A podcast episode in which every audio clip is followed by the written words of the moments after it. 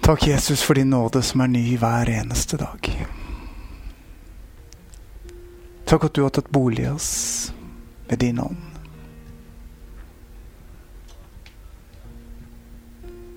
Takk at du er helt nær. Og takk at du fyller oss med himmelsk kjærlighet. På nytt og på nytt og på nytt igjen. Ha din vei med oss, Jesus. Ha din vei med oss denne morgenen. Herre, la din ånd levendegjøre ordet vi skal dele nå, så det kan skape, Jesus, det du vil i våre liv og i våre hjerter. Ha din vei, Herre Jesus. Det ber vi om. Amen.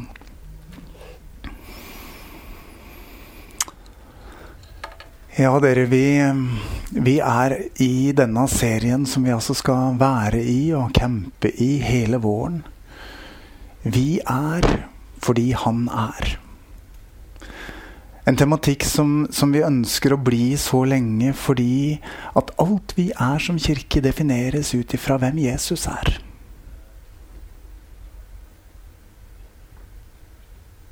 Det han har gjort for oss, og den han er og det livsfellesskapet vi har med Han. I de øyeblikket troen og kirkens liv blir et konsept vi skal følge, et, eh, et sett med leveregler vi skal mestre, så er vi så langt fra kristentroen som det er mulig å komme. For kristenstroens kjerne og vesen er å være kobla på Han som er, som lever og som lar sitt oppstandelsesliv strømme inn i våre liv hver eneste dag. Og hvis du følger streamingen noen år denne morgenen og aldri har sagt ja til Jesus i hjertet og ikke riktig skjønner hva disse orda betyr, så følg med. Åpne hjertet ditt og kanskje kan du be en sånn enkel bønn til å begynne med som Jesus. Hvis du virkelig fins, og hvis du er det denne fyren sier at du er, så velkommen inn i mitt liv. Hvis du ber den bønnen, så er det en bønn du aldri kommer til å angre på. For da er du rett inne i kjernen av hva livet handler om sammen med Jesus. Hva kristenlivet handler om. Og det er det vi prøver å bore i denne våren, ved å bli på det sporet. Så vi stadig ser mer av hvem Jesus er. Og dermed skjønner enda mer av hvem vi er. For det er i Jesus vi lever og rører oss og er til. Det er i Han vi har tilgang på alt. Kristus i oss er håpet om herlighet, Kolosserne 1,27. Et sant ord. Et ord vi ofte har referert til for å gå etter det eh, mirakuløse tegn og under og mirakler og helbredelser. Og det er absolutt en del av det som omgir Jesus. Men dere, det vi skal inn i i dag, er like viktig. Fordi tematikken denne morgenen er altså Vi er gode, milde, ydmyke og tålmodige fordi Han er. Og det er min påstand før jeg begynner å preke og legge ut ordet for oss, at det er minst like overnaturlig, like himmelsk, når vi, alminnelige mennesker av kjøtt og blod, lar oss forme og likedanne med Jesus på en sånn måte at disse karaktertrekkene ved han blir det som kjennetegner oss. Og i den dobbeltheten lever vi som kirke. Og ordet, Bibelen, viser oss denne dobbeltheten. Jesus, Paulus sier 'dere er lys'. Lev da som lysets barn. Det er noe vi faktisk er i Jesus Kristus, og som vi så må bestemme oss for å leve ut. Fordi vi faktisk tror at vi er det Guds ord sier. Jeg skal male dette ut for dere denne morgenen. Vi skal være mye i ordet, så du må gjerne ha Bibelen klar. Og bli med meg til de ulike stedene. De kommer på powerpointen, så det skal være lett å følge. Men ønsket mitt denne morgenen, det er at vi skal være i ordet så mye at ordet får lov til å prege oss. Jesus er Ordet. Og når vi speiler oss i Han, så er det mange som tenker at ja, det handler om bønn og tilbedelse. Ja, det gjør det absolutt. Men det handler også om Ordet. Når vi leser Ordet og speiler våre liv i Ordet, så former Han oss ved sin ånd. Det er det som kalles helliggjørelsen. Og på den måten så får Jesus sitt sinnelag lov til å prege oss. Av og til så sier vi det er jo menneskelig å Og så fyller vi inn et eller annet uh, som, som, ikke er på, plussida. Uh, og så får den talemåten lov til å skape inntrykk av at det er menneskelig å gjøre feil. Og det er menneskelig å gjøre feil. Men det er Guds vilje å gi oss et nytt hjerte.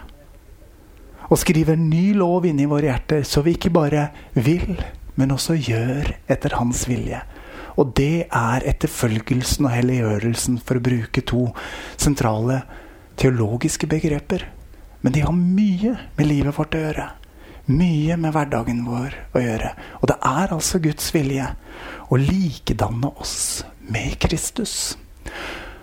Og for å male inn det perspektivet som lovsangsteamet allerede gjennom hele lovsangsettet sitt har begynt å male på, så tar jeg med Eh, et sitat fra Andreas Hegertun. Han er pastor i Philadelphia, Oslo. Og han skrev litt i Dagen, avisa Dagen, på lørdag. Og der var det et sitat som jeg har lyst til å ta med meg inn i starten av denne talen. Han sier redningen ligger ikke i å ta meg selv i nakken, men i å ufortjent ta imot det jeg ikke klarer Det er en flott måte å formidle nåden på, dere. Og jeg har lyst til, når vi skal inn i tematikken nå med godhet og mildhet og ydmykhet og tålmodighet og Hvis du tenker at du har sjekk på alle punkter og ikke har noe å lære av denne talen, så har jeg, da vil jeg veldig gjerne møte deg i løpet av uka. Jeg tror vi alle har noe å vokse og strekke oss i i dette landskapet. Og alle kjenner vi på nederlag og tilkortkommenhet i dette landskapet. Og derfor så har jeg lyst til å bare rotfeste og grunnfeste oss i nåden. Redningen for oss i dette landskapet, det, dere Måten vi kan gå sammen med Jesus i dette på, er ikke ved å ta oss selv i nakken, men med ufortjent å ta imot det vi ikke klarer. Spørsmålet ved innledningen i dag er lar vi nåden og troen bære oss, eller har troen blitt et sett med oppgaver og plikter vi skal utføre? Hvis det er det siste, så er vi ute av nådestrømmen og kommet over i strev. Da har jeg lyst til å oppmuntre deg til å forte deg tilbake. Tett inntil ordet. Tett inntil Guds hjerte. Sånn at du kjenner at du får lov til å ta imot i ditt liv på de områdene hvor du sjøl ikke klarer. å kjenne at nåden gjelder for deg. Når jeg har etablert nåden som bærebjelken for denne tematikken, så skal vi altså gå inn i Guds ord og se på påstanden. Vi er gode, milde, ydmyke og tålmodige fordi Han er. Fordi Jesus er dette. Og jeg skal tegne noen Jesusbilder, noen glimt, og noen innsteg av hvem Han er, og sånn Han åpenbarer seg for oss i ordet. Og så skal vi se videre i det jeg deler, om hvilke konsekvenser dette har for oss. Teksten som Sven Kjetil allerede har lest for oss, sier noe om hvem Jesus er på akkurat denne karakteristikken her sånn. Ta mitt åk på dere og lær av meg, sier Jesus. For jeg er mild og ydmyk av hjerte. Og dere skal finne hvile for sjelene deres. For mitt åk er godt, og min byrde er lett. Dere, det er ved at vi ser på Jesus, sier vi at vi tar del i denne prosessen, og han får lov til å ha sin vei i våre liv. Hvordan ser vi på Jesus? Jo, i bønnen. I lovprisningen. Og i ordet. Og der det er forskjell på Jesus og meg, så gir vi Jesus rett. Der det er forskjell på Bibelens ord og mine valg og handling, så gir vi Bibelen rett. Og så ber vi Gud må du ved din ånd skape en vilje og en evne i mitt liv til å leve etter det du trekker ut, maler ut som den gode veien for meg. For dere, kristenlivet er ikke ment å være strev og bør og byrde. Det er et lett åk, sier Jesus. Et godt åk og en lett byrde. Hvorfor? Fordi det handler om nådens vei. Hvor han får lov til å sette oss i stand til det vi av oss sjøl ikke får til. Og det som er så fantastisk Mens vi har en tendens til å telle og holde regnskap med alle de tingene vi gjorde feil, så fins det en omvendt matematikk i himmelen. Jesus teller ned, han. Han teller ned hvor mange ganger det er igjen før du slipper å komme til han med den eller den eller den tematikken mer. Fordi at du og han sammen har samarbeida, og du har latt Hans ånd av kjærlighet og nåde få virke ditt liv, inntil det dere to stadig måtte snakke om, ikke lenger er aktuelt. Fordi det som var Guds vei og vilje med deg på det området, har blitt ditt liv og din hverdag og din virkelighet. Og på det punktet så er det ingen av oss som har noe å rose oss av, men bare veldig mye å være takknemlig for. Da har nåden fått sin vei i våre liv. La oss ta med oss et par glimt til av hvem Jesus er. Johannes 4 Nei, Johannes 8, unnskyld. Se Jesus hvem han er. Både i møte med fariseerne som hadde endelig grepet denne kvinnen, som hadde gjort feil, som hadde trådt ut og over. Se hvordan han møter de. Se hvordan han møter kvinnen. Jesus bøyde seg ned og skrev på jorda med fingeren. Dere, hvor mange ganger har du og jeg satt oss rolig ned og fokusert konsentrasjonen vår på et ikke-triggende punkt når noen kommer imot oss og skal utfordre oss? Sannheten er at de aller fleste av oss vi gjør det motsatte. Når vi merker at noen kommer mot oss med en agenda, så mobiliserer vi. Vi mobiliserer et motangrep eller et forsvar eller et Det er helt menneskelig. Men hva gjør Jesus? Han setter seg ned og skriver med fingeren i sanda. Jeg tror ikke det han skrev, var så viktig. Men Jesus demonstrerer for oss. Vi responderer ikke på mørkets agenda. Vi står rotfesta, grunnfesta i lys og sannhet. Og det er det han gjør. Og derfor så kan løfter han blikket i det øyeblikket, og istedenfor å bli en part i en sak, så sier han de nådens og sannhetens orda som bare avkler hele situasjonen. Den av dere som, først, eh, som er uten synd, kan kaste første steinen, og så står det at de gikk bort, de eldste først. Og så, da? når kvinna står igjen der aleine.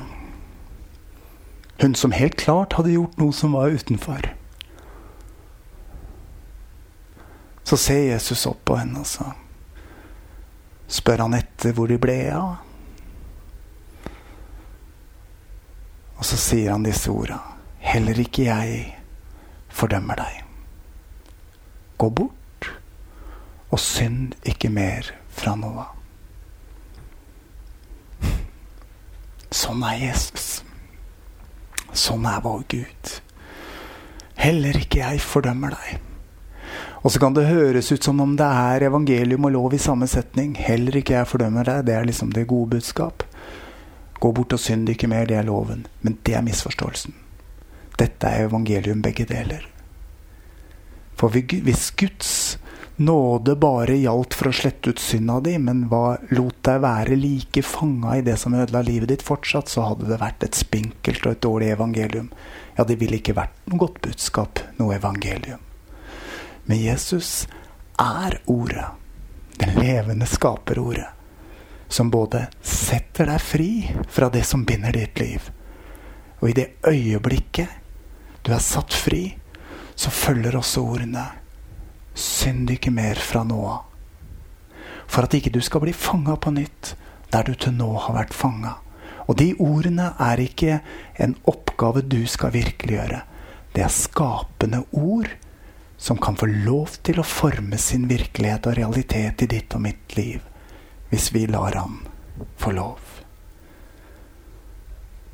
Så Jesus står der, rota i nåde og kjærlighet. Reagerer ikke på mørket, men forløser lyset. Frihet og sannhet. Og så etablerer han fordømmelsesfri sone. Jesus er fantastisk.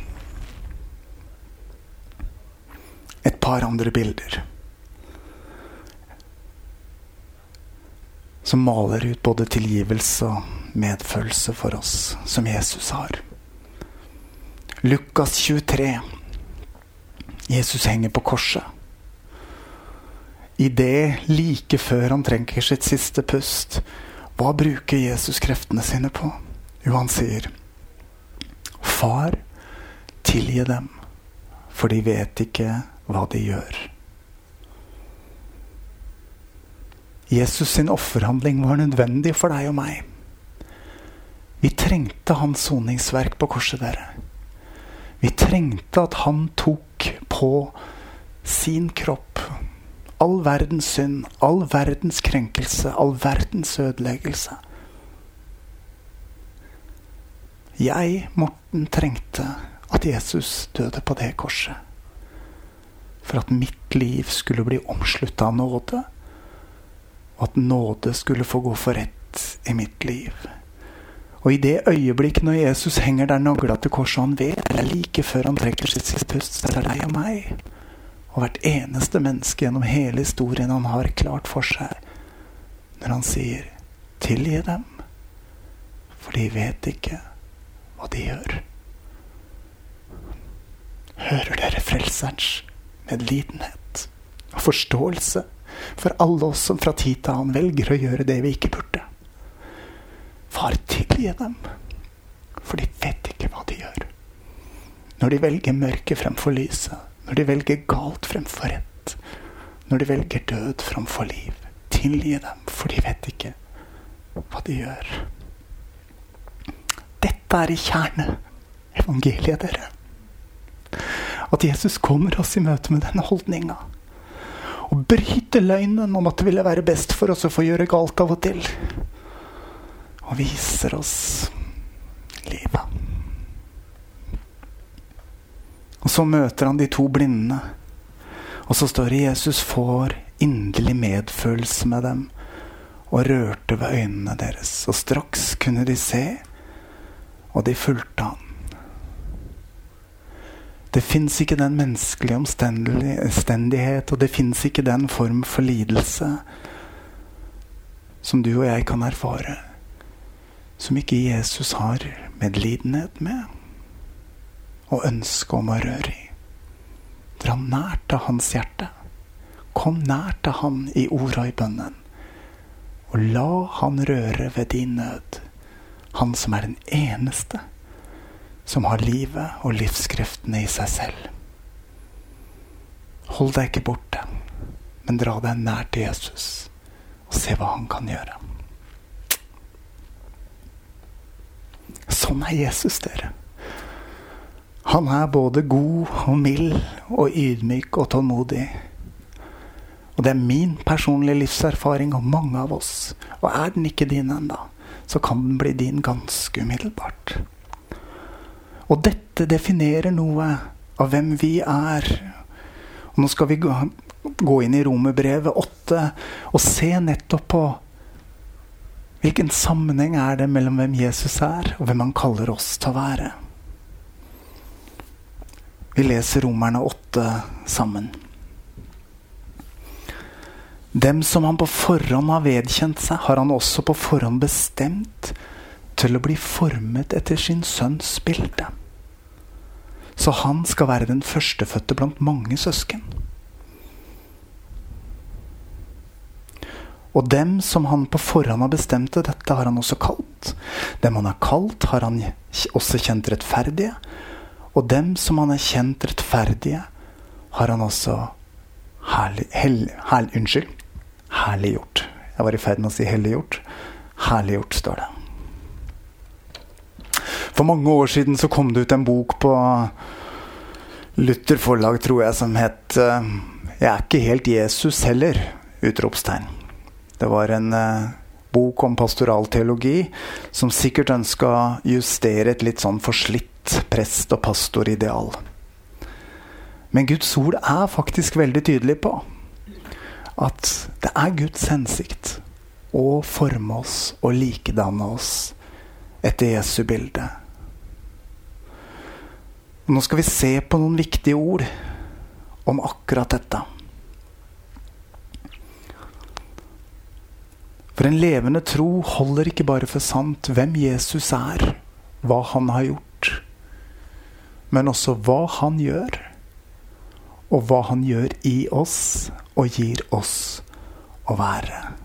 Når Jesus ved sin ånd får lov til å forme våre liv, våre ordvalg, våre holdninger, våre relasjoner og måten vi møter hverandre på, ja, da er vi midt i en levende tro. Men uten dette runger Jakobs advarsel. Tro uten gjerninger er død tro. En tro som ikke spirer ut i praktiske konsekvenser i livet, vitner om en tro som kanskje ikke lever på en god måte. Og det er noe av alvoret når vi prøver oss selv inn i dette landskapet. Bli med meg til 1. Johannes brev, kapittel 3 og vers 3. Der står det, mine kjære, nå er vi Guds barn, og det er enda ikke åpenbart hva vi skal bli. Men vi vet at når Han åpenbarer seg, skal vi bli lik Han. For vi skal se Han som Han er, og enhver som har dette håpet til ham, renser seg slik Kristus er ren. Jesus kom for å gi oss en vei ut av de handlingsvalga som binder våre liv. Det Bibelen kaller synd, å bomme på målet. Å følge Jesus er en vei til fullkommen, ren, eh, til fullkommen renhet. Det er en vei til å bli lik Han. Og dette er det motsatte av billig nåde. Som bare sier at det er greit, at det er greit, at nåden bare handler om å slette ut skyld men den etterlater deg der du står bundet i dine omstendigheter. Det er ikke nåden i sin fulle virkekraft. Jesus ønsker ikke bare tilgi deg. Han ønsker frihet og nytt liv for deg. Og Johannes skriver at alle som har et håp om å være lik Kristus, renser seg liksom Kristus er ren. Og hvis vi skal være som Jesus, så renser, eller om du vil, nekter vi oss alt det som vi ved Åndens hjelp og ordets hjelp finner ut at ikke er etter Guds gode vilje for oss. Ikke er til det gode for oss. Alt det som ødelegger. Det handler om å ikke bruke nåden som en bortforklaring eller unnskyldning til å fortsette å gjøre galt, men heller la nåden og kjærligheten være den krafta som driver oss til god og sann og rett handling. Også når det koster oss noe. Bibelen er full av eksempler på at et offer til Gud er noe som skal koste noe. David ville kjøpe jorda han skulle innvie til Herren. For han ville ikke gi et offer som ikke hadde kosta han noe. I det øyeblikk du og jeg gjør et valg som er i tråd med hans hjerte og hans ord, men som koster oss noe, så er det et dyrebart offer for Gud. Og resultatet er frihet og liv og glede og fred for deg og meg. Vi bruker med andre ord Guds ord til å speile oss sjøl og våre holdninger og våre handlinger. Og dere, dette gjør vi best på egne liv, og ikke på andres. Hvis vi bruker ordet til å speile andres holdninger, så er vi i fariseernes butikk. Hvor det var om å gjøre å arrestere. Og de andre ikke fikk til. Men det å lene seg inntil ordet i visshet om at det er nåden som gjelder, at det er fordømmelsesfri sone, men allikevel si Hellige Ånd, lys inn i livet mitt, og avslør hva som ikke er til din ære og til glede for andre. Og skap i meg en god vilje til å leve sånn som du vil. To skritt videre. Et par bibelvers til må vi ha med oss. Filipperne 2, 5 sier La samme sinnelag være i dere som var i Kristus Jesus. Det er ikke småtteri, dere. Samme sinnelag som var i Jesus, være i oss. Omsorg i kristen sammenheng handler ikke bare om en god organisering av et samtalesenter eller gode vekstgrupper som tar vare på hverandre.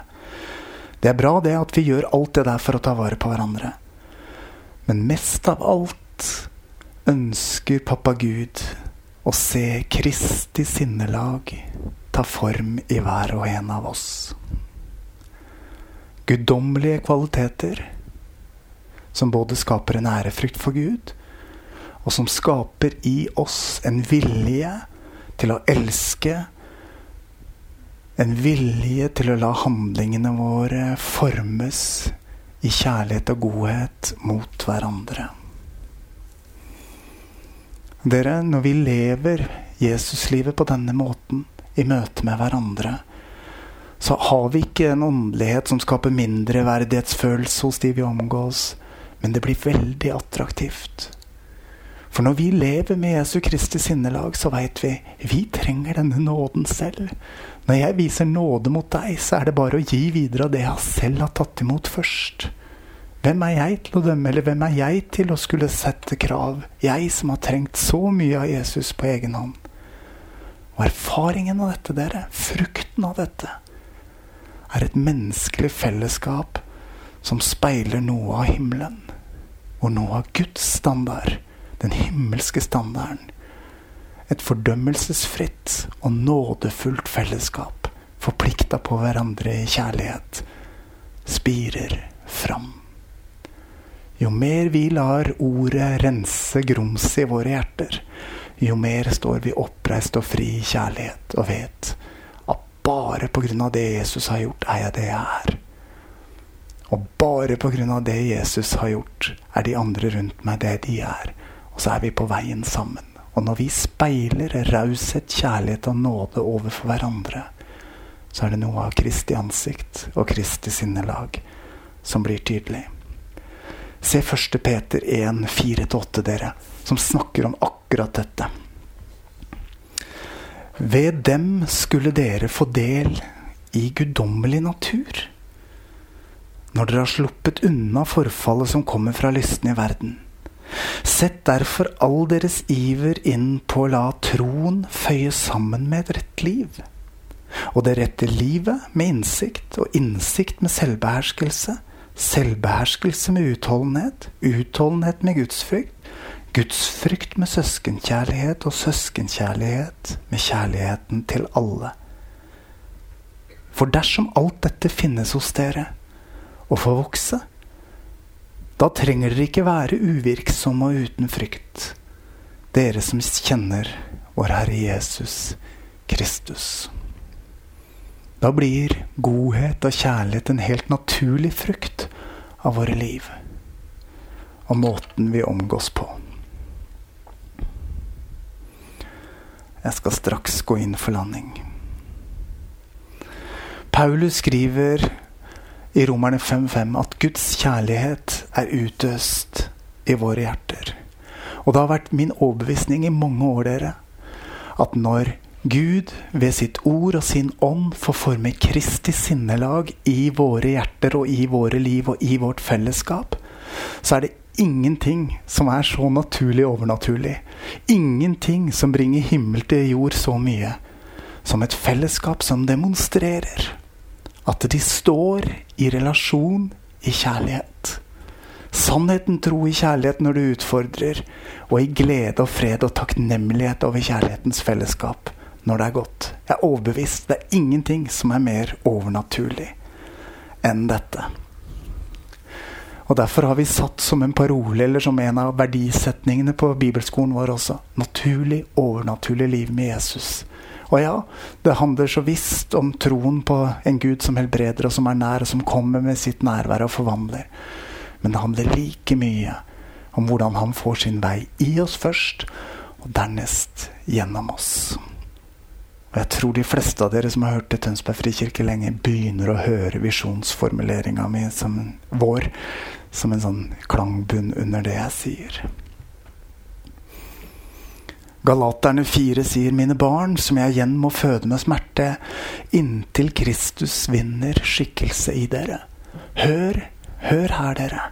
En sann far i Guds menighet, Paulus, sier, jeg må føde dere med smerte. Jeg må stå i relasjon til dere i kjærlighet, inntil Kristus vinner skikkelse i dere. Og han hadde litt av hvert å jobbe med i mange av disse nyplanta menighetene hvor aldeles ikke himmelen var fullt og helt på plass i fellesskapet. Men det er grunnen til at Kristus kan vinne skikkelse i oss, er at det er grunnfesta og rota i en realitet. Kristus bor i hjertet ditt. Og vi er dekka i ham. Dette er ikke noe vi skal få til i egen kraft ved å dras i nakken. Men ved å leve tett til hans hjerte.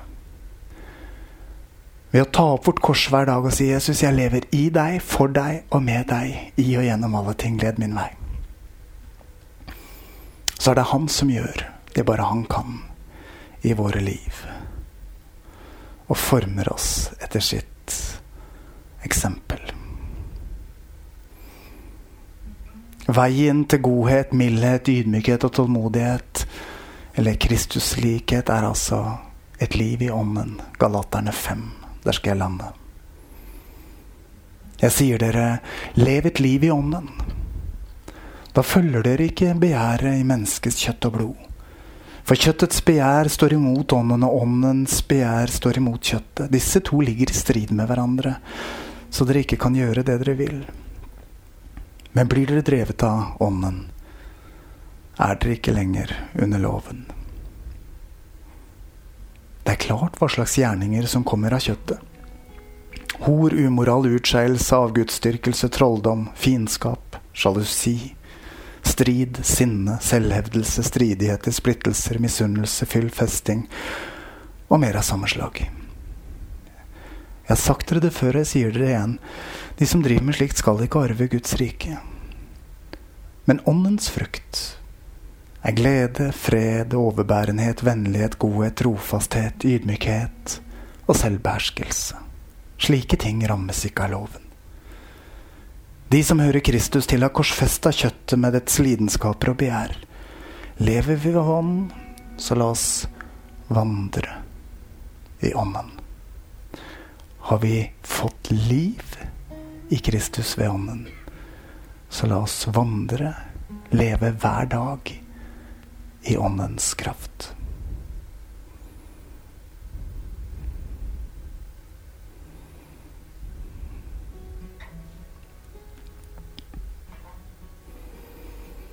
Jeg setter opp et annet ord som jeg ikke skal lese for dere, men som er Jo, jeg må lese det for dere. Filipperne 2, helt til slutt. Hør på dette ordet også. Om det da er trøst i Kristus, oppmuntring i kjærligheten, fellesskap i ånden, om det finnes medfølelse og barmhjertighet, så gjør min glede fullkommen. Ha samme sinnelag og samme kjærlighet.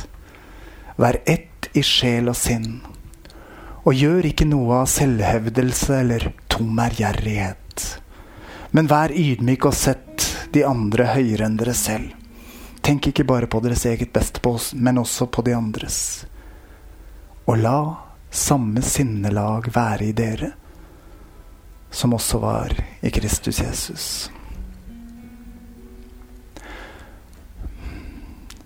Kjære alle sammen i Tønsberg frikirke. Alle dere som hører til denne menighetsfamilien og som har sagt ja til å leve ut i livet deres det som er vårt kall og vår visjon, å være en menighet overstrømmet av kjærlighet til Gud og mennesker. Tusen takk for at dere har sagt ja til det. For at vi får gå sammen og leve livet i etterfølgelse av Jesus. Og lene oss inn til Hans nåde når noen av relasjonene våre prøves. Og lene oss inn til hverandre i kjærlighet. Ære for Han. Stadig mer og mer. Det er bare Ånden som kan skape likedannelse med Kristus. Derfor er denne veien bare Guds verk. Men visjonen han har gitt oss, er å være et menneskelig fellesskap som blir fordømmelsesfri sone. Hvor Kristi ansikt blir veldig tydelig. Og hvor hvert menneske som kommer inn, ikke først og fremst kjenner sine feil identifisert, men gjenkjenner seg som et elska menneske. Som et barn av vår himmelske Far. Og som en som er velkommen hjem. Tusen takk for at dere er med og føyer livet deres inn i dette kjærlighetens fellesskap. Som kan demonstrere og tegne et bilde av Kristus for de som ennå ikke kjenner ham. Og hvis du har fulgt oss på streaming i dag og ikke kjenner ham, så har jeg lyst til å be en bønn med deg nå. For at denne nådevirkeligheten, denne himmelske kjærligheten, positivt forstått skal få invadere ditt liv. Så hvis det gjelder deg, så legger du handa på hjertet nå. Og så ber du med de samme orda som jeg ber. Jeg ber én og én setning, og så kan du gjenta det for deg selv høyt eller stille der du sitter. Kjære Jesus Kristus, tusen takk for din nåde. Kom inn i mitt hjerte og bo i mitt liv. Takk for din tilgivelse og nåde som sletter ut alle mine synder, alle mine feil.